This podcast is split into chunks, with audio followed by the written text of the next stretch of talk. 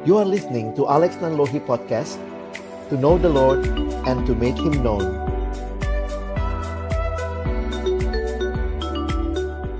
Kita berdoa sebelum kita membaca merenungkan firman-Nya. Biarlah pujian ini menjadi kerinduan setiap kami. Dalam hidup yang Tuhan berikan kami mau menyenangkan-Mu. Kiranya kebenaran ini juga yang boleh nyata ketika kami akan membuka firman-Mu Bukalah juga hati kami, jadikanlah hati kami seperti tanah yang baik.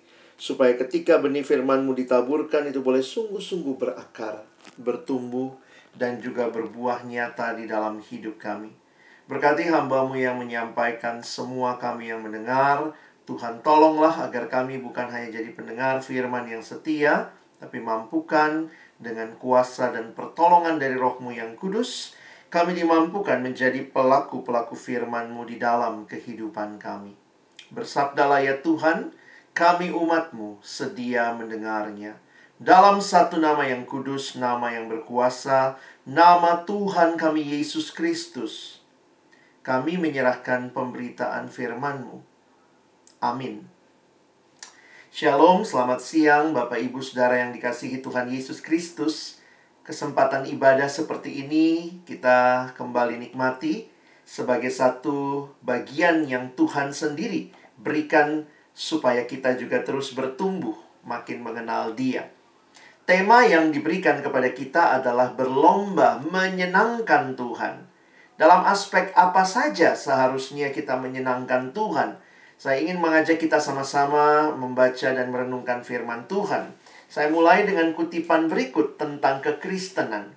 Di dalam satu kutipan yang sangat terkenal dikatakan Christianity isn't a religion, it's a relationship with God through Jesus Christ. Kalau saudara melihat apa yang ditawarkan di dalam kekristenan, maka fokus kekristenan bukan sekadar agama, bukan sekadar ajaran-ajaran, bukan sekadar ritual, tetapi kekristenan berbicara relasi dengan Allah sehingga tema hari ini jadi menarik untuk kita pikirkan karena itu dinikmati di dalam relasi. Bapak Ibu Saudara dan saya tidak berlomba untuk melakukan ajaran tertentu.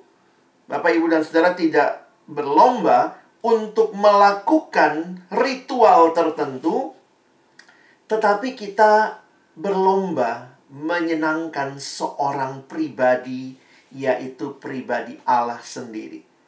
Dan ini sangat jelas dalam kehidupan yang hari ini kita akan soroti dari teladan Rasul Paulus. Ada banyak ayat, tetapi saya akan coba memilih dua bagian untuk kita bisa memahami tema ini.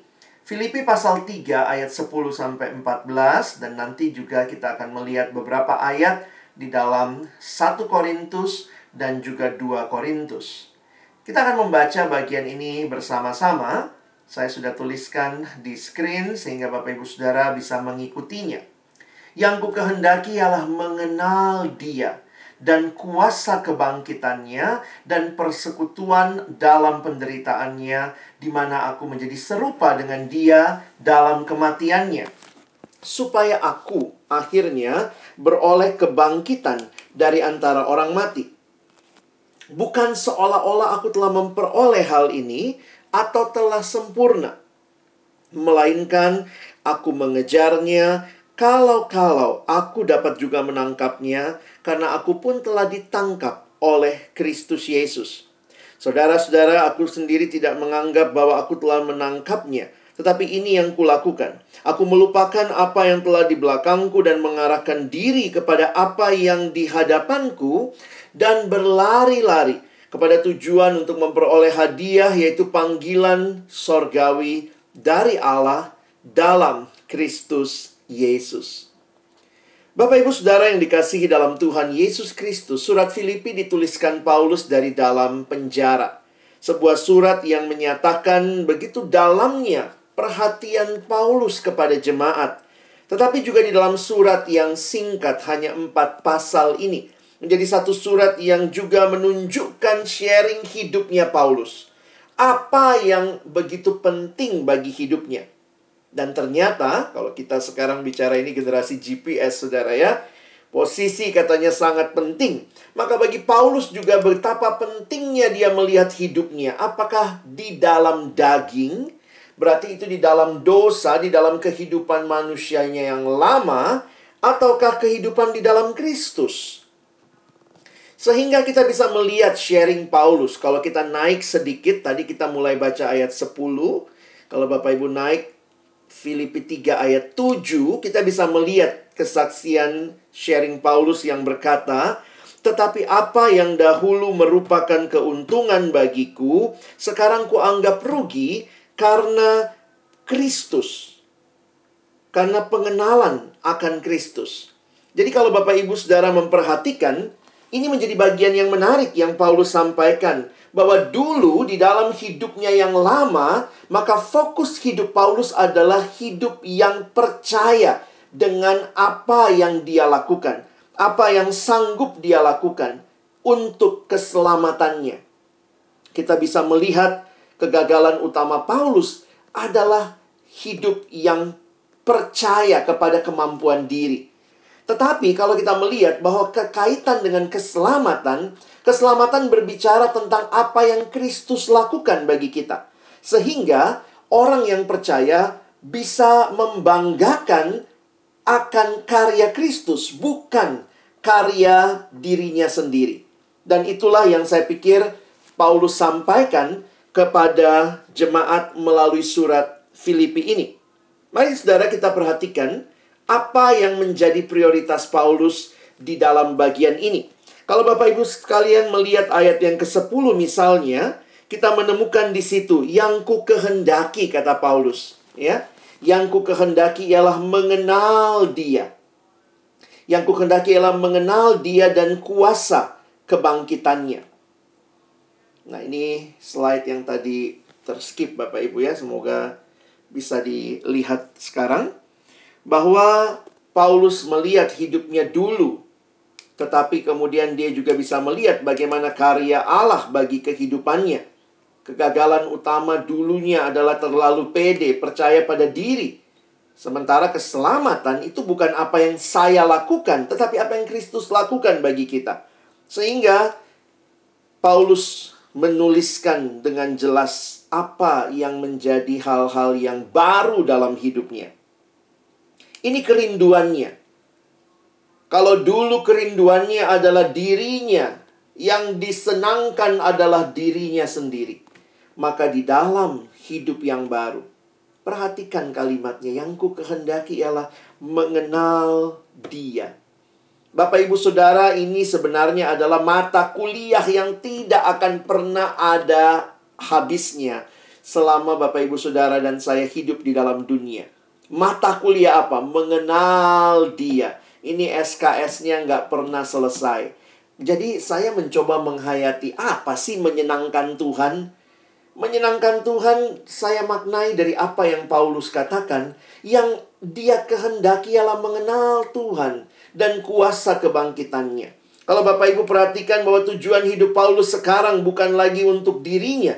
Tetapi untuk hidup mengenal Allah. Seluruh aspek hidupnya dia arahkan untuk mengenal Allah, termasuk pelayanannya. Paulus pun merindukan dirinya semakin mengenal Allah. Ini pengenalan yang seperti apa? Bagi Paulus ini pengenalan yang lebih daripada sekadar informasi. Lebih daripada sekadar pengetahuan. Tetapi pengenalan yang dimulai di dalam iman relasi kepada Kristus. Perhatikan bagaimana Paulus katakan tadi, persekutuan dalam kematian Kristus.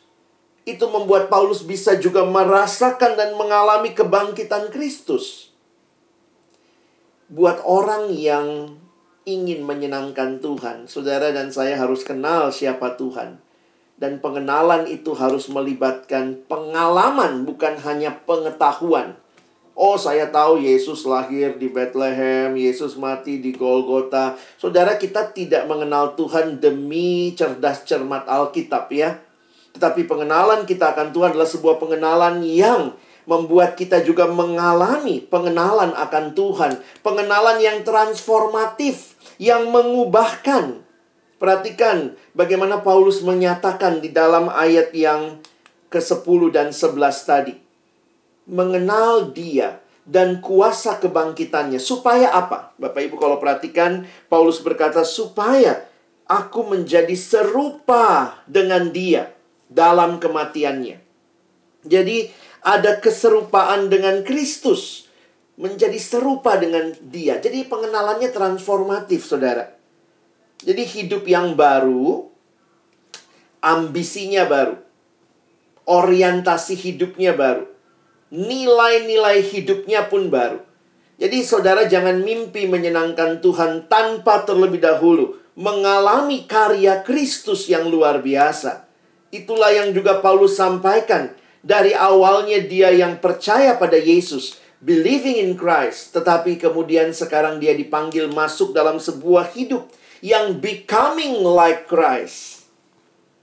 Jadi kalau secara sederhana hidup yang menyenangkan Tuhan adalah hidup yang pertama-tama percaya pada Yesus, tapi kemudian bergerak maju menjadi serupa dengan Kristus, becoming like Christ. Sebuah kehidupan yang punya komitmen untuk terus bertumbuh. Sebuah kehidupan yang benar-benar menjadikan firman Tuhan sebagai dasar yang kokoh bagi kehidupan Kristen yang sejati, menurut satu lagu dikatakan Kristen yang sejati dipimpin firman Tuhan. Kadang-kadang kita pikir menyenangkan Tuhan hanya berkaitan dengan ritual tertentu. Wah, saya baru kasih persembahan bangun gereja. Saya baru kasih persembahan, saya baru lakukan ini, lakukan itu. Wah, di rumah saya ada foto Yesus besar sekali. Oh saudara, bukan itu satu-satunya tanda menyenangkan Tuhan. Menyenangkan Tuhan adalah sebuah kehidupan yang semakin berakar di dalam firman. Sehingga tahu apa yang Tuhan mau. Kehidupan yang menyenangkan Tuhan berarti menyenangi juga apa yang Tuhan senangi. Tuhan senang anak-anaknya bertumbuh. Tuhan senang anak-anaknya bersekutu. Jadi ketika Bapak Ibu Saudara dan saya benar-benar mengalami Tuhan membangun hidup kita, mari alami juga kita bertumbuh di dalam komunitas. Menyatakan bahwa kita rindu boleh membangun diri di dalam komunitas satu dengan yang lain. Dan tentunya akan menjadi kehidupan yang beda dengan dunia. Ya, nggak lagi hidup seperti dunia. Di dalam pergaulan, kita tidak hidup dalam pergaulan yang mempermalukan Tuhan, tetapi mempermuliakan Tuhan. Di dalam pekerjaan, menyenangkan Tuhan juga berarti kita adalah orang-orang yang melakukan pekerjaan kita demi kemuliaan Tuhan. Tidak hanya kerja waktu ada yang melihat, tidak hanya do the best kalau mau ada penilaian, tetapi benar-benar melayani. Secara khusus Bapak Ibu Saudara adalah civil servant, pelayan-pelayan masyarakat Apakah benar kita menyadari tugas tanggung jawab kita? Dalam relasi-relasi yang kita bangun, relasi percintaan ya, apakah juga kekudusan hadir di situ? Menyenangkan Tuhan berbicara bukan hanya menikmati yang saya mau, tetapi apa yang Tuhan mau karena sudah beda. Tadinya old life, saya jadi senternya, but new life Aku ingin makin kenal Tuhan. Aku ingin makin menyenangkan Dia dalam rumah tangga kita juga. Kita rindu bahwa kita menjadi rumah tangga yang menyenangkan Tuhan. Nah, Bapak Ibu Saudara yang dikasihi Tuhan, ini yang coba Paulus sharingkan kalau Bapak Ibu perhatikan di Filipi 3. Jadi kalau kita coba lihat, nah ini membaginya menarik ya. Paulus bilang, dulu aku manusia lama, fokusnya sama diri. Sekarang aku dalam Kristus, aku mau kenal dia terus. But what will happen in the future? Bapak Ibu bisa lihat ayat-ayat yang kita sudah baca tadi. Ayat 12, 13, dan 14. Kalau ayat 7 bicara old life in the past. Ayat 10 dan 11 bicara present life in Christ. Maka ayat 12 sampai 14 bicara the future life ini bukan sesuatu yang berhenti. Pengenalan akan Tuhan bukanlah sebuah pencapaian. Oh, saya sudah kenal Tuhan, berhenti, selesai. Tidak ya. Tetapi Paulus bahkan Dia rasul Bapak Ibu Saudara, tapi rendah hati sekali. Apa kalimatnya? Bukan seolah-olah aku telah memperoleh hal ini atau telah sempurna. Makanya saya makin menghayati yang namanya perkehidupan rohani. Pertumbuhan rohani itu sebuah proses seumur hidup, bukan sekadar pencapaian. Jadi orang yang satu kutipan yang saya ingat ya, apa sih artinya dewasa rohani? Orang yang dewasa rohani adalah orang yang senantiasa sadar bahwa dia belum dewasa secara rohani. Dengan demikian dia terus merendahkan diri dan terus merindukan I want to know Christ more and more. Nah, perhatikan lagi. Paulus katakan melainkan aku mengejarnya. Kalau-kalau aku dapat juga menangkapnya karena aku pun telah ditangkap oleh Kristus Yesus. Saudara-saudaraku, aku sendiri tidak menganggap bahwa aku telah menangkapnya. Tetapi ini yang kulakukan. Aku melupakan apa yang telah di belakangku dan mengarahkan diri kepada yang apa yang di hadapanku. Nah, ayat 14.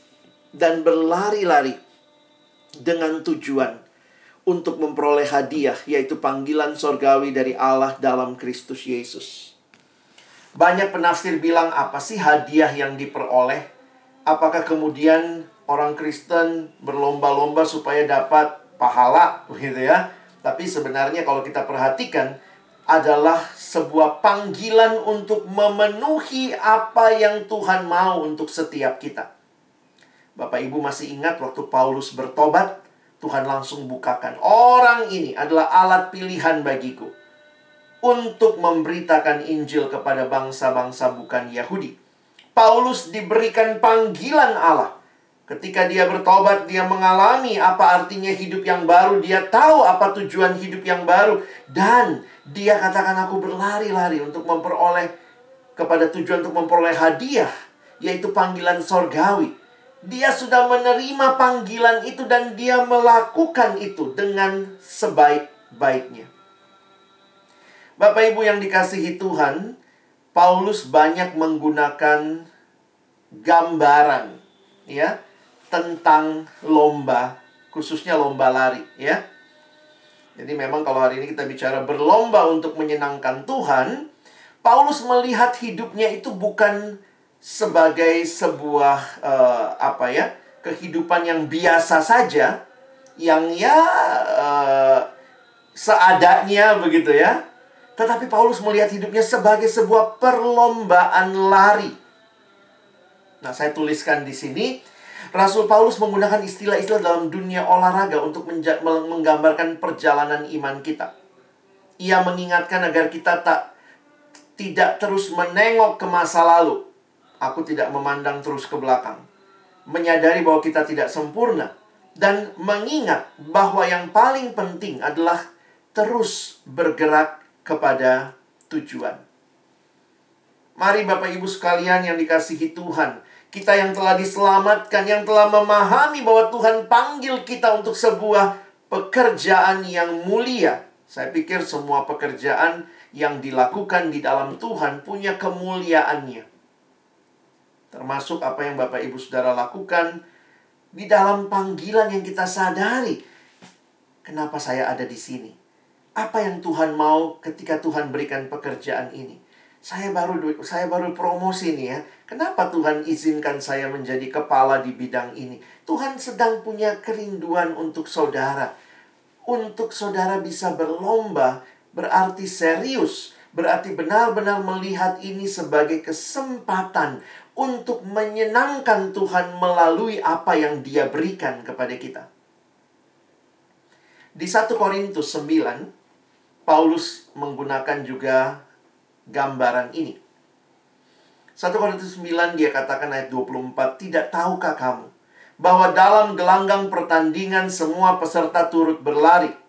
Tetapi bahwa hanya satu orang saja yang mendapat hadiah. Karena itu larilah begitu rupa sehingga kamu memperolehnya.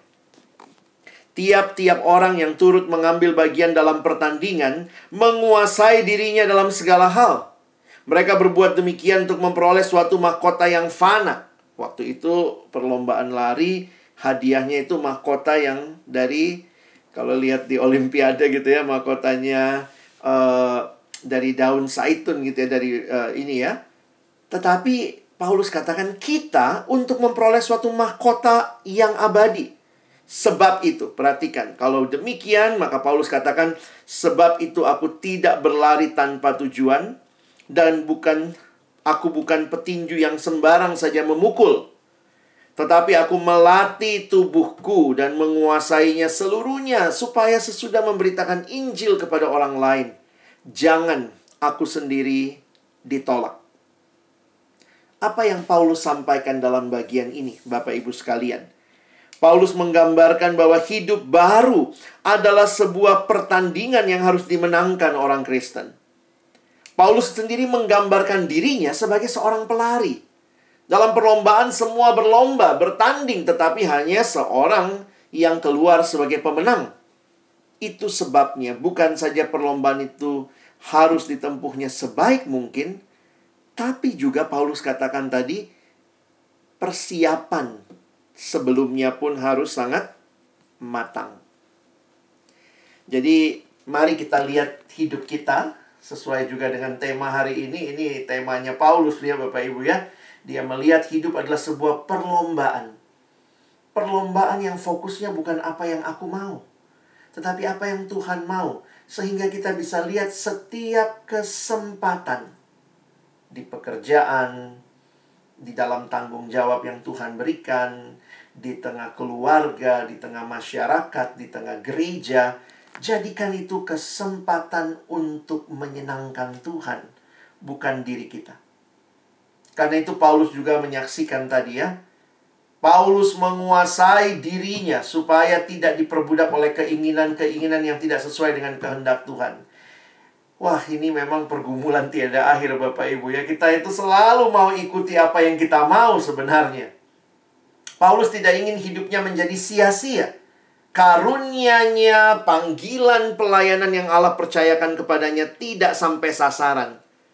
Tujuan Paulus ialah memperoleh mahkota abadi yang akan Tuhan karuniakan bagi yang setia dan menang. Bapak Ibu, memang ini sebuah penggambaran ya Kadang-kadang kalau orang tanya, jadi kita mesti compete gitu ya. Kita mesti lomba sama yang sesama Kristen, kita mesti sikut-sikutan. Nah, ini memang tidak demikian tentunya Paulus menggambarkannya. Gambaran ini sebenarnya memberikan kepada kita keseriusan menjalani hidup. Lihatlah hidup sebagai sebuah pertandingan. Dalam sebuah pertandingan maka kita akan berjuang untuk memenangkan pertandingan itu. Demikian kira-kira gambaran yang Paulus berikan sehingga kita tidak jadi berlomba-lomba antar Kristen ya. Ih, dia doanya dua menit. Ah, aku tujuh menit. Ah, biar lebih Kristen gitu ya. Wah, dia kayaknya pagi-pagi menyembah Tuhan pakai angkat-angkat tangan. Oh, aku kalau bisa angkat kaki juga gitu ya. Jadi banyak orang berpikir bahwa dia harus compete atau berlomba melawan kerohanian orang lain. Tidak. Gambaran ini untuk diri sendiri bahwa Paulus mengatakan seserius itu Aku melihat hidupku yang sudah ditebus oleh Kristus. Aku mau masuk dalam pertandingan itu. Dan hanya satu tujuannya. Aku ingin menyenangkan Tuhan. Dan Tuhan berjanji juga. Ada mahkota abadi ya, itu bagian yang Tuhan janjikan.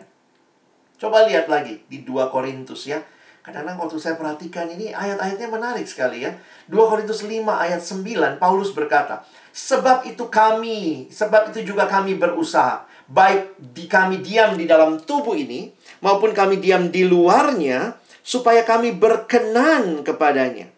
Bapak Ibu menarik dalam terjemahan yang lain atau bahasa aslinya, kalimatnya begini.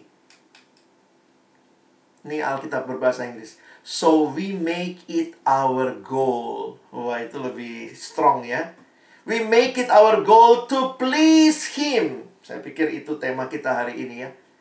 Saya rindu to make it our goal to please Him. Whether we are at home in the body or away from it. Maksudnya di dalam seluruh kehidupan, tujuanku, tujuan kami adalah to please Him. Menyenangkan dia. Dan ini bukan cuma basa-basi ya. Paling tidak, Paulus bukan NATO, no action talk only. Waktu kita pikir gila ya dalam suratnya di sini ayo bertanding, ayo bertanding, jadikan menyenangkan Tuhan tujuan utama hidupmu. Tapi kita juga melihat di akhir hidupnya, di surat terakhir yang Paulus tulis, surat 2 Timotius pasal 4, Paulus menyaksikan, Aku telah mengakhiri pertandingan yang baik. Aku telah mencapai garis akhir. Aku telah memelihara iman. Dan lihat keyakinan sang rasul. Sekarang telah tersedia bagiku mahkota kebenaran yang akan dikaruniakan kepadaku oleh Tuhan. Hakim yang adil pada harinya. Mungkin di dunia dia diperlakukan tidak adil. Tapi Tuhan tuh hakim yang adil pada harinya.